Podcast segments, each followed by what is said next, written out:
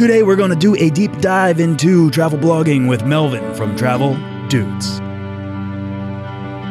Do you want to travel further and more often to visit new places and meet new people and expand the role that travel plays in your life? I'm your guide, Nathaniel Boyle, an explorer that wants to help you get out, see the world, and find meaningful, life changing experiences. Everyone wants to be adventurous and have great stories, to do the stuff of legend. This is the Daily Travel Podcast. Okay, explorers, here's the thing podcasts really need your input, particularly your reviews. And if you could leave me a review on iTunes, I would love you for it. I'll even try to feature your review right here on the show. So feel free to ask any travel question or leave your best travel tip, and I will do my best to get it featured on an episode of the Daily Travel Podcast. Today, I'm sitting down with the founder and CEO of Travel Dudes, which is an award winning travel site inspired by travel tips and locals and other travelers, written by travelers for travelers, actually an enormous audience of travelers. TravelDudes.org um, has they, uh, Melvin from Travel Dudes, who is my guest today, has nearly 200,000 active Twitter followers. Uh, he's he's created Travel Talk on Twitter um, and uh, the TTOT hashtag. All these things uh, have originated by the fact that Melvin from Travel Dudes has been working on this stuff for quite a long time. But I'm interested in the person behind all of this work, the person behind Travel Dudes, exactly who Melvin from Travel Dudes is, and uh, what his story is. So, Melvin, welcome to the show. Thanks, thanks for having me, and um, I'm looking forward to share all the secret stuff. Very cool. All right, so I uh, shared a little bit about you and Travel Dudes, but I want you to introduce yourself. Take us back to where you're from and how you got started traveling. Well, I'm from Germany, very um, uh, pretty much on the countryside, close to Cologne, and that's still like where I live now. Well, my life was is all about travel. Actually, I was a travel agent for something like eight or maybe even ten years. And after all the financial crisis started, uh, my company had this amazing idea to give people a timeout, but still pay them something like 500 euros instead of quitting them and to fire them. And I was lucky that I saved some money, so we traveled through Indochina.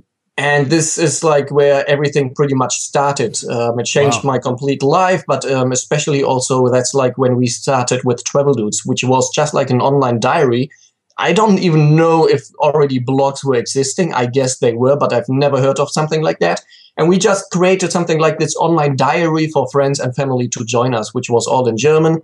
And we very soon realized that we got the most and the best tips from other travelers and from locals. So we started to share also our own tips on the website.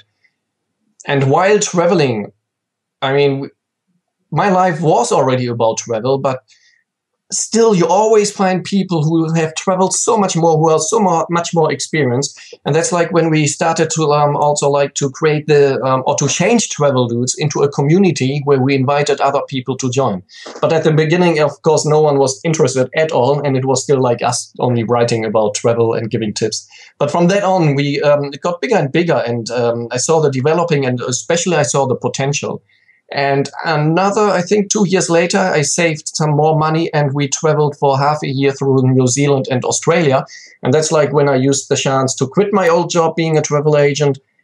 And when at the moment we got back, I already used the trip at, um, at the moment at that time to produce some nice videos. But like at the moment we got back after half a year, that's like when I said, okay, now we change the complete version of Travel Dudes, we go into English because that's like where social media all started. That must have been, I think, 2007. There was no Twitter or Facebook in Germany. And the only chance really to get something out of it was doing it in, in English. And from there on, it just grew and grew. And this week, we pretty much launched the first social travel website. We still struggle with a bit, of um, a couple of bugs, but it's already yeah, it's, we, you can, people already can see the potential of the new version now. Let me take a step back then. When you left from your job as a travel agent and traveled to Indochina, uh, what happened on that trip that compelled you to begin to make travel a bigger priority in your life? I would not really say make it a bigger priority because before, as a travel agent, you always got like the very cheap flights, reduced flights, maybe complete free flights and at the moment, I saved something like 300, 400 euros. I booked a ticket anywhere in the world. and I was gone. And um, so it was always about travel. I think what only changed that I didn't want to work for this um, company anymore. With a lot of respect of, of the company, how they treated the people inside, uh, it was really, really good. But for me, sooner or later, I knew I, I had to change something and um, do my own stuff. And that's like when, yeah, I, I started to put all the time and all my money into travel dudes. Yeah, all right. So then at what point then did travel dudes become a business for you rather than a hobby or a travel diary? That was um, 2006. That was after, that's like when we went to Australia, New Zealand, and that's already when I um, we made the decision to um, get something more out of travel dudes. So when we got back in 2007, that's like when I completely started it seven years ago. Were you trying to leverage an audience that you had built up at that point? I mean, the audience um, grew bigger and bigger from that time. It's, I mean, it's it's a very slow process. I always had the idea or the uh, or the thought that there would be suddenly this big bang and suddenly mass masses of people would suddenly come to travel dudes or newspaper would write about it or something like that. Yeah. And that's of course totally nonsense. It's not working like that. It's um, a stable process and it grows always step by step. And um, i think actually it's also like very good like that. Um, you, there are quite a lot of examples where change different but it, um, most of the times it can also abruptly go down again. So i prefer actually the, the very slow and stable process so Travel Dudes, then, I mean, you launched that. It's 2014 now, and I'm doing this. So you launched that at least, uh, what, eight, nine years ago? Yeah. Okay, wow. So that's a lot of that's a long time. That's why you have almost 200,000 Twitter followers and uh, you can point back to the TTOT hashtag on Twitter which is what? What is that? Travel Talk on Twitter, right? Yes, TTOT and, Travel Talk on Twitter. So I mean that's really like a, almost a um, uh, it's a conversation that's constantly happening around travel on Twitter, of course, and uh, and I guess that I mean that is every Tuesday still, or what is that? Well, TTOT it's um, every Tuesday with the chat at nine thirty a.m. and p.m. GMT. Um, but I think what is like really interesting about that, it's um, or like um, the the background to that. I mean, we we wanted a chat which includes everyone. That's why we have it in the morning and in the evening um, from the European time zone. But um, so that like everyone can join if it's like Australia, Asia, North America, South America, Europe, Africa, everyone can join. So it's like industry, travelers, bloggers, everyone is joining TTOT and just having a really good time, a good laugh, and sharing the passion for travel. Uh, we don't have any sponsors. We have a great team of co hosts and um, a much much better community who is joining regularly and uh, yeah, it's it's it shows pretty much like what TTOT is about. I mean, it's a global conversation around travel. It's a bunch of passionate people who are so up for geeking out around travel that they'll jump on Twitter and talk to other people that they don't know about these conversations.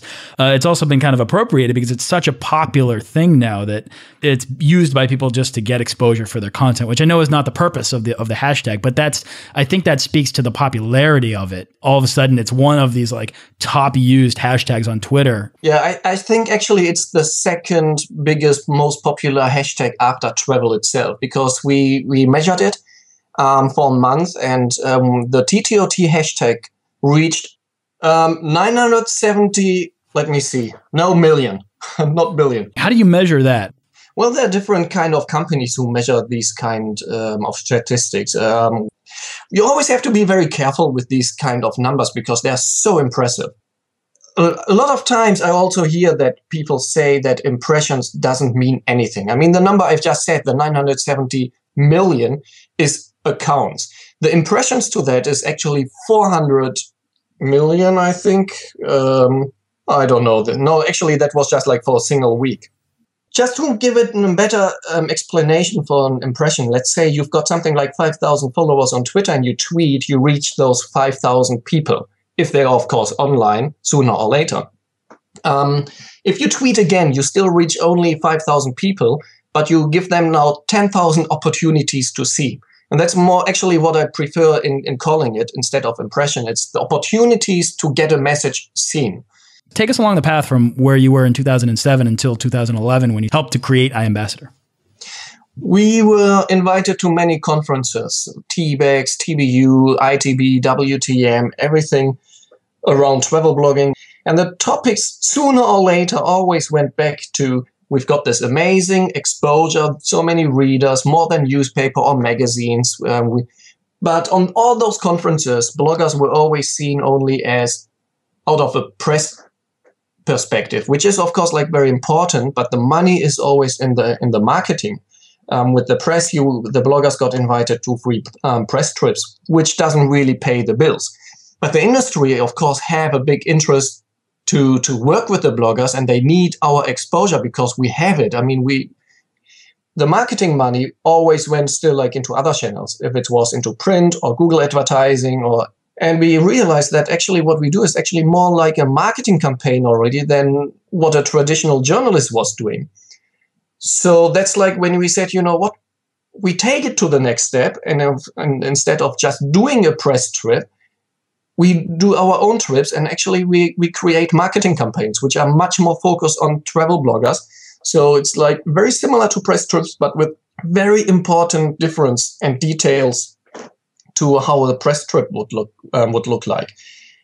And with that, we we found a way to to monetize our websites and it's running very successful. I mean, we create an advertised value equivalent um, with our campaigns with something like 10, 14 bloggers of three, four million euros. Okay, so then that's that's great. Let's use an example of that because I think that you probably have a story there. Like, what is one example of a campaign that you've worked on that has afforded you one the opportunity to travel somewhere and work on a thing that was profitable for you? I mean, right there, that almost for probably a lot of people listening it's kind of like the dream opportunity. Well, I think it is. I mean, what people always forget is that it's a full time job. Um, everyone, pretty, I'm very sure that all the travel bloggers started out of a hobbies, hobby perspective. They just wanted to share their stories and their experiences, and I think that's still like what the bloggers are doing even nowadays. But like, if you want to make a full time living, you have to understand that it's a business, that it's not a hobby anymore, right. and that you have to take it to the next step. You have to become an entrepreneur and also like a publisher. And you can't just like start a blog for one year, maybe travel the world, save some money, travel the world, and start blogging. If you really want to make money out of that, you have to do it maybe two, three, actually, I think more like four years um, to make um, minimum 40, 50,000 a year if you're like self independent. I think that's like what a lot of bloggers always forget, and they just see people like the professional bloggers traveling around the world and maybe even getting paid for that, but there's so much more behind it. So one of the campaigns I really, really love most is actually like what we created with our Blogville concept, where we tr- where we try to get the press trip really onto the next higher level. Did you say Blogville?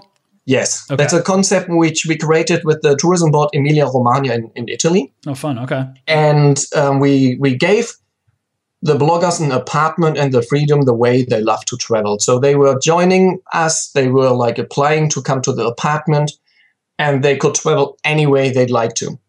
With this campaign, uh, we are running this now in the third year. We had something like 150 bloggers um, over the years there, most of them hobby bloggers. We created an advertised value equivalent of 3 million euros. If you found the right bloggers, this kind of concept is, is like working so much better than getting a blogger into a press trip. Well, here's my question then. What do you do personally on these trips? Are you just organizing? Are you filling that role? Or are you actually participating in the blogging and the storytelling and the content creation? We do both. Okay. I do both. Sure, Travel Dudes is a business for me, but I also want to still like to keep a bit fun factor in it. I don't want to sit just like behind the desk my whole life and um, then I could have stayed a travel agent. Actually, I was going to make that point is that coordinating other people's travels, here you are sitting in that seat again after having gotten out of that seat so many years ago, starting this amazing journey. But at the same time, I mean, I think it's ironic that that was your initial skill was putting together the itineraries and travel opportunities for people so that they truly love what it is they do. And now in a way you're almost providing the same tool, the same uh, service for other people. Yeah, that's true. I think it's um, it's actually like a good combination. I mean, I'm happy I don't need to book the flights anymore, um, but of course, I I think I do understand travelers quite a bit, and I also understand the bloggers quite a bit. with all the success of blogging in the last um, recent months and years, what a blogger should never, never forget don't party yourself, but you're really just there to entertain and to inform your readers. It's not about the blogger, why a business or why a tourism destination wants to work with you. The, the real reason is that to reach your audience. And I think that is like what the bloggers really have to keep their focus on is like, um, shall I really write about this destination now or this product just because they offer me maybe money or this or that? Um, be very, very strict to yourself and, and remember like why you started it and, and aim to, to reach your audience and to provide them quality content. Mm, you need to be very value oriented, I think, to your audience, and you need to focus on the subjects that you're talking about rather than make yourself a subject. So, Melvin, for example, I'll use my uh, myself. I'll use myself and this show as an example. Uh, I almost never. I mean, a lot of people say I, that I should talk about myself or my own stories more often, but I prefer to shine the spotlight on my guests because I think that you guys have so many amazing stories, such varied backgrounds, so many things to share and lessons to be taught that I like to keep the, the, the spotlight on you. And in the same way, I think a, a a writer, a travel writer, or a travel blogger could stand to talk less about themselves and what they think and what their feelings are, and more about uh, trying to capture something emotional about the places that they are visiting or going to. Yeah. Well, you have to. It's, it's every blog is so different. I mean, you have to find maybe also a, a kind of a mix in between. Because you're the brand. Because it's important to have a brand, and usually yeah. that centers around you, the person that's writing. So, Melvin, I got to ask you though, for someone that's embedded so deeply in the travel industry uh, and has been in this world of travel blogging since basically the beginning, what do you see as being the future of travel blogging and travel media? Travel bloggers will turn and will be even becoming more professional because there will be um, a shift also from the marketing budget more into the blogging business and I think what is like very nice to see, like if you give the the top bloggers some more money so that they can make a living out of that, they very very soon start to invest it, so that bloggers turn more into online magazines. I think that will be a very interesting shift to see, and which will will be coming next. Do you see much of a risk of commodification of travel information? And what I mean is uh, in the same way that almost travel photography, it's like that career. I've had I, have had guests on the show who have spent 30 years working in travel photography, and now that career doesn't exist anymore. And I uh, sometimes I worry that travel writers or travel bloggers won't have the opportunity to keep working within the industry because that information will just become devalued. It'll become it, it will become too easy to find otherwise. What do you think well, about that? Well, I think um, I agree with that because I still think that this industry, like with the photographers, exists. I think what most people haven't done is doing the shift. Their business changed, but it still exists. I mean, if you have those guys and if they would promote themselves really, really nicely, very easily actually, because all the social media channels are so visual. Even like Twitter, the recent changes, there's so much on more pictures and videos so if you promote your pictures and you take those amazing pictures and you get so many likes and shares, it's very easy actually to monetize. Um, well, not very easy, but the, the, the change, what we created with iAmbassador is there, that it's getting easier and easier to, monet, uh, to monetize it. The industry haven't understood the realistic value of online media yet, but and it will take maybe another two or three years but those amazing photographers i mean they still have the better lens and the eye and the and and the feeling for the photographs for the for the pictures. So there is a very good chance actually for them to make even more money with what they do than i think before if they monetize it the right way which is not done easily. Um, it takes a while. It's an investment but it's definitely a big chance for them so it's almost a cultural shift into digital, being digitally native, understanding uh, the sort of new order of things on the internet and how to uh, pivot your career so that you can monetize in new ways rather than looking for the old ways, which is to get hired by publications to send you out on on trips.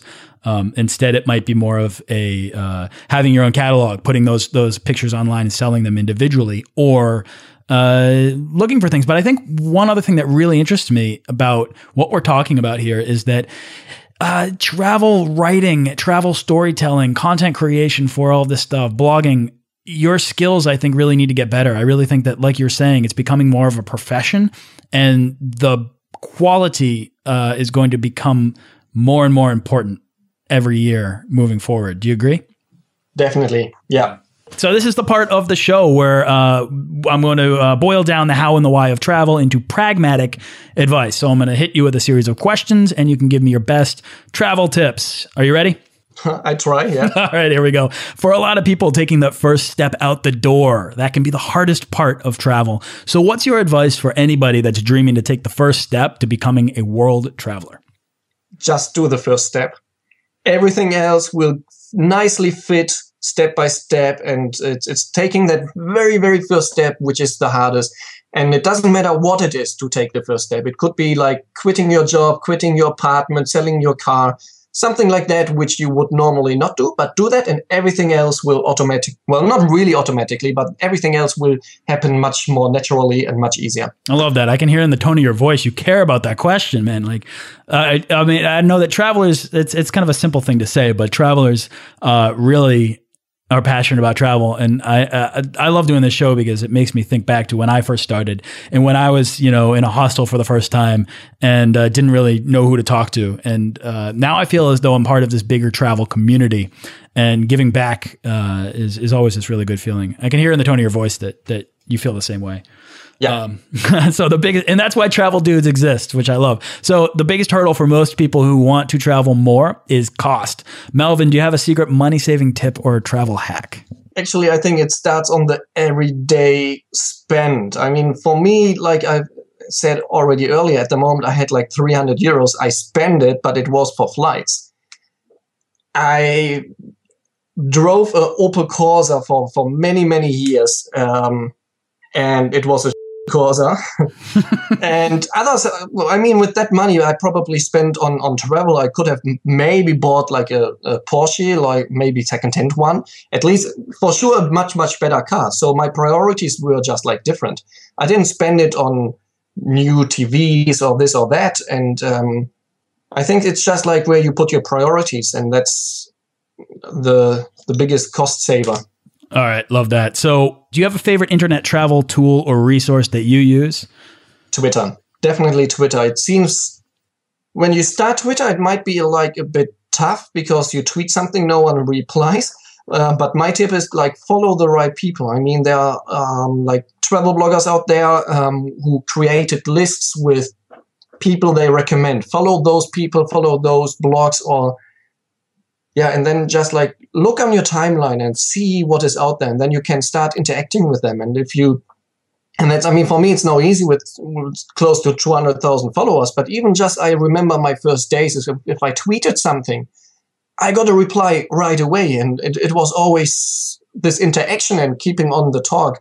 Um, it's very very powerful tool yeah, well, I mean, what I what I like about that is look at Twitter less, almost less as like a tool because sometimes that is like you're saying it can be kind of overwhelming, and think of it more of like a, just a series of conversations and yeah. find that conversation that you want. And if that conversation is about Germany because you're going to Germany, uh, find that conversation, jump in, participate, ask a question. You can get amazing answers from people that are right there. Uh, I mean, what, yeah, sorry to interrupt okay. because that is like um, finding um, actually stuff about Germany travel related was so far still like one of the biggest problems, and that's actually why we relaunched Travel Dudes. And um, because like um, um, a tweet is old after three four hours already, so finding a blog content like a tweet to a blog or like from, from a company to Germany and to find this is like very very tough. But like um, that's like what we do is like with the new social travel section on Travel Dudes is you click on Europe, you click on Germany, and you find all the tweets, the hash, um, all the Facebook messages. I think also Instagram very soon, also YouTube. You find that all those social media content travel related to Germany there, not from travel dudes, but from the whole community, which makes it much much easier to find that quality content. Totally, Melvin. What was your worst travel mishap? There are so many. Um, and afterwards, um, I don't see them really as mishappen. I think they, uh, what I always see them is uh, like really, really good stories. That's why I asked the question. Um, I was flying to Havana, and um, there was an elderly guy sitting next to me. I would say around the 70, 70s, and uh, we had a really good discussion. And we had dinner, and then he fell asleep. I fell asleep, and suddenly something hit me, and I opened my eyes and this guy was sitting next to me and he was splitting blood onto me. Oh. And I was like so shocked. I, I thought he was like dying and I couldn't move because, I, I, yeah, well, I mean, what do you do in this moment? After two, three seconds, I was hitting the button for the stewardess to come and just like wild on, on, on, off, on, off, on, off. Oh my and she God. came and she looked into his eyes and he was still like um, spitting, splitting blood. Oh, And she was shocked as well. And then this guy suddenly opened his eyes and he was fine. So what happened is for dinner he had dr- um, red wine and he threw up. I, and he was so sorry that he threw up on me. And I said, you know what? I'm so happy that you are just throwing up on me because I thought you would be dying next to me. oh my god. So um, that was like actually like a very positive experience um, where someone threw up on me. Amazing. Oh, I'm so happy I asked that question. Uh, Melvin, last question of the round. What's the weirdest thing you've ever eaten? Uh, I think out of a traveler perspective, it's not that weird. I think it was um, like a grasshopper, but the problem I had is I forgot to take the legs off. and these hooks were stuck in my throat. That's and awful. Um, another thing, which actually what I ate, but that was not on one of my trips. It was like a friend of my grandmother prepared that um, was cow udder, and that was very strange. Cow udder. Wow, I've Yeah, never was- even thought about that. Well, I think it's a very famous, popular Polish dish. It tastes very tasteless, more like chewing gum. Not really, I mean, not awful or something. It just tasteless. It's not worth eating. It's it's just like I don't know, a bit weird. Melvin, is there anything else that you'd like to share about travel or travel dudes uh, before we wrap up? Well, I would of course like very welcome everyone to check out the new Travel Dudes version. But um, I think what is much much more important is that people just go out there, um, trust in themselves, like when travel, get lost, go into the next street instead of just like with a book tour or something like that. Go out, have some adventure and some fun. I love that. Put yourself in the position to let the best stories happen to you. Don't overplan and uh, explore. Totally. I'm right there with you. Melvin, what's exciting you the most right now? Where's your next trip or what's your next project? My next trip is getting me to the north of Germany, to the island of Sylt, um, in December. Which I'm, yeah, well, I don't know how that might look like. My, I probably very much gray and gray. But if that hotel got a nice fireplace, I'm very happy about that. Yeah, that's my kind of uh, that's my kind of escape sometimes. Close at the beach. sitting, yeah. sitting in and, and uh, uh, warming up over hot drinks and a warm fire. Melvin, where can people go to find out more about you? About me, actually nowhere. um, I, I, yeah, like I explained um, before, it's it's like with travel dudes, it's not really about me. It's about travelers sharing their experiences. But of course, I'm very happy if people follow me on travel dudes, on on Twitter, on on Facebook. I'm happy to share my experiences, to share my the knowledge from myself, but also like from other travelers, and of course on traveldudes.org. Love it. All right, Melvin, thanks so much for coming on the show, sharing this perspective. I mean, you have a um uh it's a relative term here, but a historic perspective on travel blogging and the travel media industry uh yesterday, today, and in, into the future. So thanks again for letting me pick your brain on all of this stuff. Thanks for having me. Thanks for listening to this episode of the Daily Travel Podcast. For show notes and links to everything in this episode and more, head on over to dailytravelpodcast.com. Join our Facebook page of explorers and subscribe to our newsletter for the best deals and resources to help make your next trip life changing.